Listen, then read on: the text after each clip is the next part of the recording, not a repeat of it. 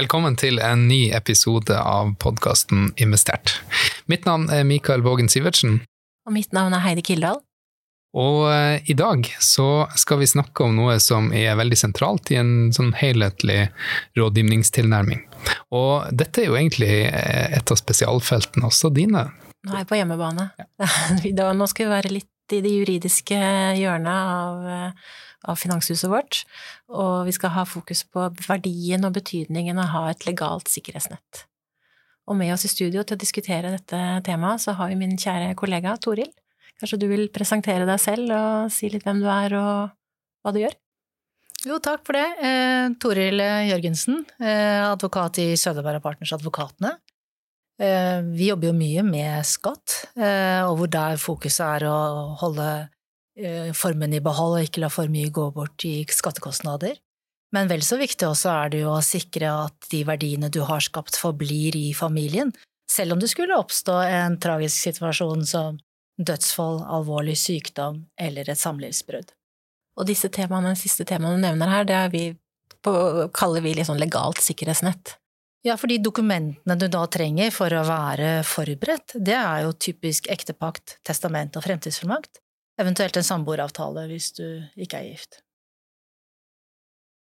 Og mm, det er sikkert mange stiller seg spørsmålet, hvis du er litt sånn A4-familie, da, ikke sant? gift og to barn f.eks., er, det noe, er det egentlig noe poeng å bruke tid på disse dokumentene? Ja, det mener jeg absolutt, og hovedformålet er jo egentlig å skape en forutberegnelighet og trygghet for de som er rundt deg, for resten av familien din. Eh, jeg sammenligner det litt ofte med en eh, forsikring. Du tegner jo forsikring på hus og bil og mm. kofferten din hvis du er på reise, i tilfelle noe skulle skje. Det er litt sånn med disse dokumentene også, du vet ikke om du får brukt for en ektepakt eller samboeravtale, du vet ikke om du får brukt for en fremtidsfullmakt, men eh, du vet for så vidt at det kan være fornuftig å ha et testament, for det skal vi alle sammen. Den kan du ikke avtale deg ut av. Vi har jo noen kunder som snakker om 'hvis jeg dør', men uh, der er da korrigerer du. Da korrigerer jeg. Da minner jeg om at uh, det, det, skal vi alle. Ja. En tilleggsdimensjon jeg syns er viktig òg, er verdien av å prate om det.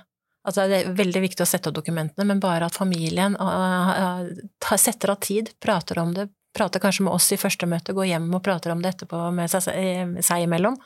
Det har en så stor verdi å liksom være bevisste på disse hendelsene, for noen ting skjer brått. En bilulykke skjer brått. Absolutt, og det gjelder jo særlig mellom de voksne i familien, ja. da vil jeg si. Ja, det er jeg enig. Du trenger ikke ta med deg praten Nei. med ungene nødvendigvis, men etter hvert som de blir litt eldre, så tenker jeg at det er en eh, verdi i seg selv å kunne formidle til barna at eh, vi har en plan, vi har disse dokumentene mm. på plass, og, og, den dagen du trenger å høre mer om det, så skal du få gjøre det. Du behøver ikke fortelle dem om hvem som skal arve hytta, mm. og hvem som skal arve huset ennå. Skal vi begynne litt med fremtidsfullmakt, og bare bore litt i hva er det dokumentet, og hvilken betydning har det? Ja, og det er jo egentlig et uh, litt nytt tema. Uh, Fremtidsfullmakten feirer jo faktisk tiårsjubileum i Norge i år. Så gratulerer med det, Fremtidsfullmakten. uh, det er jo egentlig det vi kan kalle et privat vergemål, hvor du selv kan gå inn og definere hvem du ønsker skal ivareta dine personlige og private interesser. Eh, hvis du en gang skulle komme i en situasjon hvor du ikke kan gjøre det selv. Og vi tenker jo typisk på at det er de aller eldste i familien som liksom må ha på plass en fremtidsfullmakt, for de kan bli demente, eh, og de kan bli surrete på sine gamle dager. Eh, ja, og de trenger det også, men jeg mener jo egentlig at alle som er voksne, som har fått seg en leilighet og sitter på verdier, trenger egentlig en plan for hva skjer hvis du er utsatt for en elsparkesykkelulykke, mm. eller som du sier, en bilulykke, eller sykdom som gjør at du blir satt ut av spill?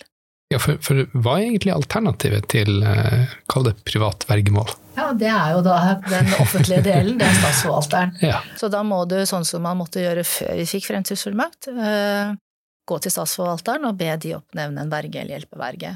Eh, og vi ser jo nå at antall personer som får fremtidsfullmakter, det øker voldsomt.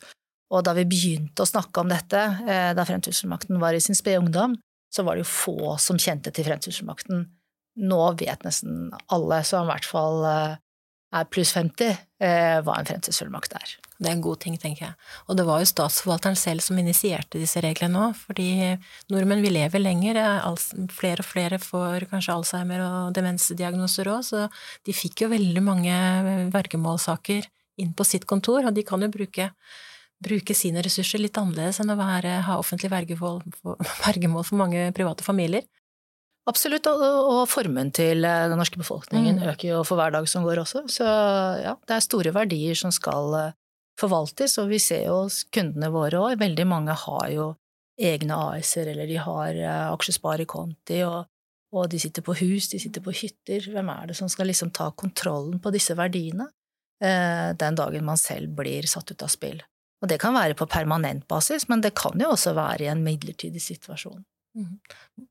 Hvis vi bare bruker hus som eksempel òg, som på en måte de fleste, fleste er jo ektepar som eier 50-50, og så har man ikke denne fremtidsfullmakten og så blir den ene utsatt for en ulykke og havner i ganske ung alder på et sykehjem, så må jo da den friske søke statsforvalteren om å få lov til å selge huset.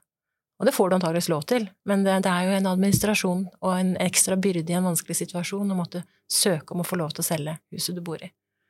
Ja, det tar erfaringsmessig flere måneder ja. å få den prosessen ja. igjennom hos statsforvalteren. Så, og statsforvalteren vil da typisk ha deler av den gevinsten til den syke på bankkonto.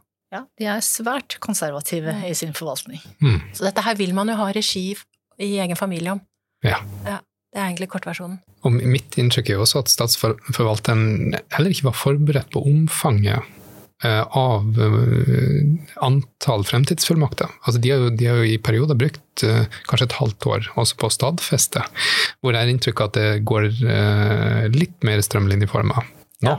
ja da, heldigvis. Uh, men det som er litt rart, det er jo at vi ikke har fått et offentlig register for oppbevaring av disse fremtidsfullmaktene. Eh, det har vi jo for testamenter som man kan sende til tingretten, men for fremtidsfullmakter så har vi ikke det. Så da er man jo helt avhengig av at de som faktisk har skrevet en eh, fremtidsfullmakt, eh, de har den. Eventuelt så anbefaler vi også at man gir hver av fullmektige den original, sånn at de også har den. For en kopi er ikke godt nok i forhold til statsforvalteren. Og et siste spørsmål eh, når det gjelder fremtidsfullmakt. Er det vil du si, avtalefrihet? For eh, som Heidi nevnte, det er jo, det er jo klare begrensninger på f.eks. Eh, hvis du ikke har det. Hva som skjer hvis du ønsker å selge huset ditt. Ja, absolutt. Det er full avtalefrihet. Du kan definere at det skal være flere fullmekter. Du kan fordele at de skal ha ulike oppgaver. Du kan gi fullmektingene ikke bare tilgang til bankkonti, kunne snakke med lege, forsikringsselskap, skatteetat, Nav, med alle de vanlige tingene der. Men det kan også være, som Heidi nevner, dette med salg av bolig, det kan være å overføre verdier til neste generasjon. For det er jo en risiko hvis man kommer på et offentlig hjem, så er det jo en egenandel til kommunen på inntil 85% av inntektene dine.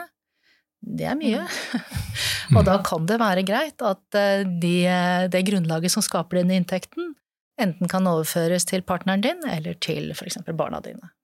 Min påstand er at dette dokumentet er egentlig veldig, veldig lett å sette opp. Det har formkrav, så du må ha vitnepåførsel. Så, sånn sett, men utover det så er det eh, beskrivelse av hvordan du vil at livet skal være hvis livet får en brå sving. Så mm. det burde vi ha på, ja, alle sammen. Enig. Og hvis vi skulle bevege oss videre til uh, ikke heller et fullt så lystig tema, uh, men som dere snakka mye om, uh, den dagen noen faller fra ja.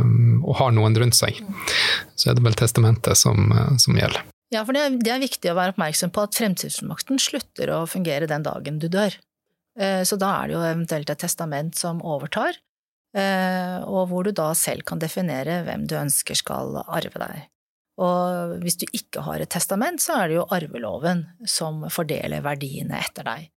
Og det kan jo gi en eh, grei løsning, men eh, ofte så er det ikke nødvendigvis den løsningen man ønsker. Eh, blant annet samboere uten barn har jo ingen arverett til hverandre etter loven, så da er man helt avhengig av å skrive et testament. Og har man felles barn, ja, så er arveloven og arven da til samboer begrenset til 4G. Det er eh, rundt 500 eh, 000. Det er ikke veldig mm. mye, det heller. Så for samboere så trenger man som regel å skrive et testament for å tilgodese partneren sin i større grad enn det loven gjør. Og hvis dette samboerparet du bruker som eksempel nå, har et mindreårig barn, så kan du si at resten av arven går til, går til barnet.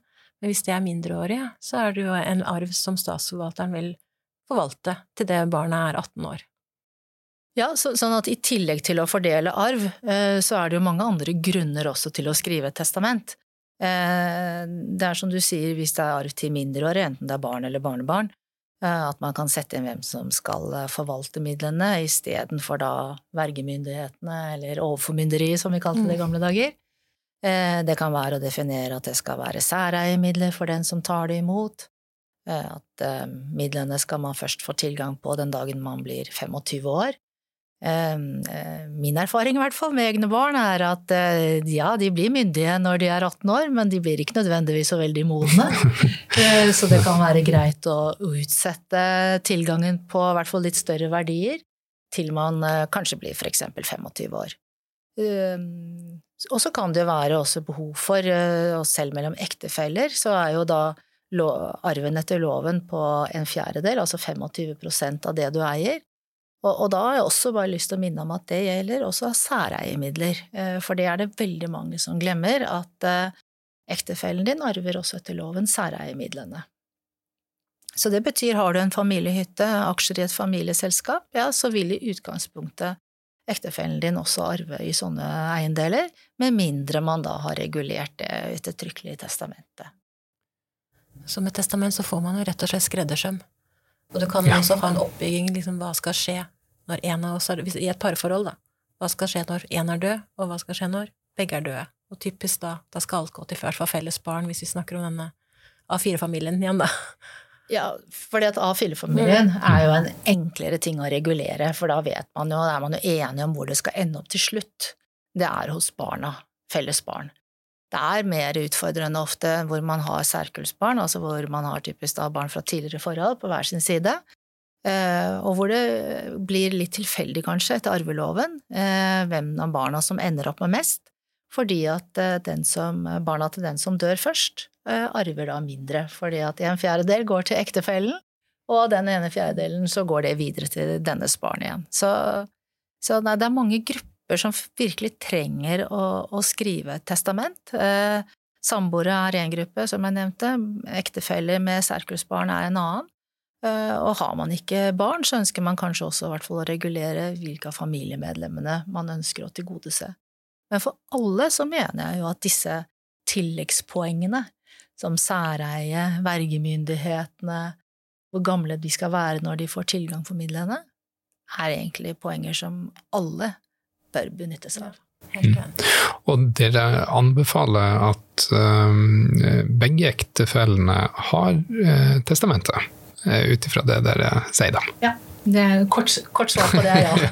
ja. Ofte så skriver man jo et felles testament opp. Ja, nettopp. Mm. Så, så, bra. Jeg, jo, jeg, vil jo tro at jeg håper lytteren da, tenker nå at summen av alle de poengene som har kommet frem både på fremtidsfullmakt og testament, til sammen blir et sikkerhetsnett, rett og slett. Mm. Og særlig ved, ved, brå hendelser, at man på en måte eh, Da blir det ikke samtidig kaotisk eh, økonomisk og juridisk, for da vet man hva som skjer. Ja, og, og det er kanskje ikke viktigst eh, for deg selv. Mm. Det er kanskje viktigst, som jeg kanskje mm. sa innledningsvis også, for de rundt deg. Mm. For da vet de eh, hva du ønsket. De vet at du hadde en plan, og det er mye enklere for dem å forholde seg til det. Og vi ser jo dessverre at det innimellom blir tvister, det blir rettssaker. Eh, det er ofte store verdier på spill, og det er jo tragisk, vil jeg si, når familien splittes på den måten. Mm. Og eh, du har jo nevnt et par ganger at det er, det er store frihetsgrader til å avtale hvordan man vil ha det. Og eh, det er vel kanskje slik at lovgiver har primært et ønske om at man tar styring på dette selv, og at lovene sånn sett er utforma på den måten at hvis du ikke har tatt stilling til det, eh, så, så er, det, er det forutbestemte regler for hvordan dette skal skje. Ja, og, og det, er, det, er, jo sånn at i, i, bo hvor det er mindre verdier, altså hvor man ikke har sittet på de store formuene, så er det mindre spillerom, for da er det disse pliktdelsreglene til barna eh, som begrenser avtalefriheten eller den testasjonsfriheten du måtte ha. Men uh, sitter man på litt større former, og det gjør man fort hvis man har en hus og en hytte, eller hvor vil du si den grensen går, hvis du bare skulle ja, Det kommer litt an på hvor mange barn du har, rett og slett også. Ja, riktig. Fordi at pliktdelsarven til hver av barna er uh, i utgangspunktet uh, to tredjedeler av det du eier, men da begrenset oppad til 15 G til hver av barna dine. Og 15 G er i dag i overkant av 1,7 millioner kroner. Så, så, har du to barn, så, så, går kanskje grensen et sted rundt 5 millioner kroner. En eh, tredje pilar i denne materien her er jo stikkordet samlivsbrudd og ektepakt. Kan ikke du si litt om det, Toril, fra, med din arbeidserfaring? Jo, men nå syns jeg du virkelig begynner å gjøre det mørkt. Nå har vi vært igjennom både død og alvorlig sykdom, og så skal vi innom samlivsbrudd òg. Men, Gir oss ikke. nei, men det er jo som du sier, det er jo en del av dette legale sikkerhetsnettet som vi er opptatt av. Eh, nei, det er klart at eh, samlivsbrudd, da trenger du enten en eh, samboerkontrakt eller en ektepakt. Eh, samboerkontrakten er jo egentlig ikke noe formkrav til i det hele tatt, og du står helt fritt til å avtale derimellom hvordan du ønsker å formulere den. Det jeg tenker er det viktigste å ha med, det er jo eierandeler på de største tingene man har, typisk hus, hytte, bil, og selvfølgelig lån. Eh, og ikke minst også hva som skjer ved et brudd. Hvem skal ha fortrinnsrett på å kjøpe ut den andre for bolig? Eh, hvor lang tid skal man ha på seg? Eh, og ikke minst den som da skal ut. Hvor lang tid skal vedkommende ha på seg til å pakke kofferten og komme seg ut? Lenge får du lov til å trenere. Ja, eh, fordi at den treneringen, den, den ser vi at den skjer innimellom. Og det å ha avtalt for eksempel ja, kanskje tre måneder da, av litt praktiske grunner, både for at den ene skal kunne fremskaffe kapital, og den andre skal da få kapital og kunne finne seg noe nytt, det, det trenger man. Så det tenker jeg kanskje er noe av det viktigste i en eh, samboerkontrakt. For ektefeller så er jo situasjonen helt annerledes, for der har du en, en ekteskapslov som, som, sier at man har en plikt til å understøtte hverandre, og man har en mye mer sammenvevd økonomi enn det man har som eh, samboere. Og, og derfor er egentlig ektepakten i utgangspunktet kanskje vel så viktig, vil jeg si, som en uh, samboeravtale. Uh, og i en ektepakt så kan du jo typisk regulere om noen av eiendelene skal være særeiemidler. Det sikrer jo at du får med deg faktisk de eiendelene ut av ekteskapet. Og så er det mange som er kjent med at det man får med seg inn i ekteskapet, skal man ha med seg ut, og det man har fått i arv og gave, skal man også kunne skjevdele. Men eh, det gir deg egentlig i utgangspunktet rett til verdiene, og ikke nødvendigvis til gjenstandene. Så jeg tenker at Slipper man å krangle om det, rett og slett. Ja. Hvis du har en eiendel i særeie, så parkerer du den på sida, og så skal man diskutere resten, fordeling av resten. Ja, og så er egentlig ektepakten grunnmuren til eh, testamentet og fremtidsfullmakten. For den avgjør da hvilke eiendeler de to partene i ekteskapet egentlig kan råde over. Så en viktig del. Og, og vi definerer også illegal sikkerhet også i gavebrev. Og for så vidt også aksjonæravtaler i et familieselskap. Eh, og gavebrevet også er jo viktig for å kunne legge inn klausuler som særeie og eventuelle bruksretter eller andre begrensninger man måtte ønske å ha, og som sikrer en dokumentasjon på at man faktisk har overført verdiene fra den foreldrene, kanskje, til barna. Så et viktig dokument, og tilsvarende også med aksjonæravtaler, at man kan legge inn klausuler for hvordan familien samlet skal styre dette familieselskapet, og kanskje, sånn som vi gjør i våre avtaler, legge inn en eh, forutsetning om at alle som er myndige, nettopp må ha på plass et legalt sikkerhetsnett med testamenter, fremtidsfullmakter osv., så videre, sånn at man har en forutberegnelighet på hvem er det i fremtiden som kan komme inn og eie aksjer i dette selskapet. Det skal ikke være samboer til noen av barna, det skal ikke være ektefeller, eh, det skal ikke være en kreditor. Det skal følge rett og slett blodsbåndet.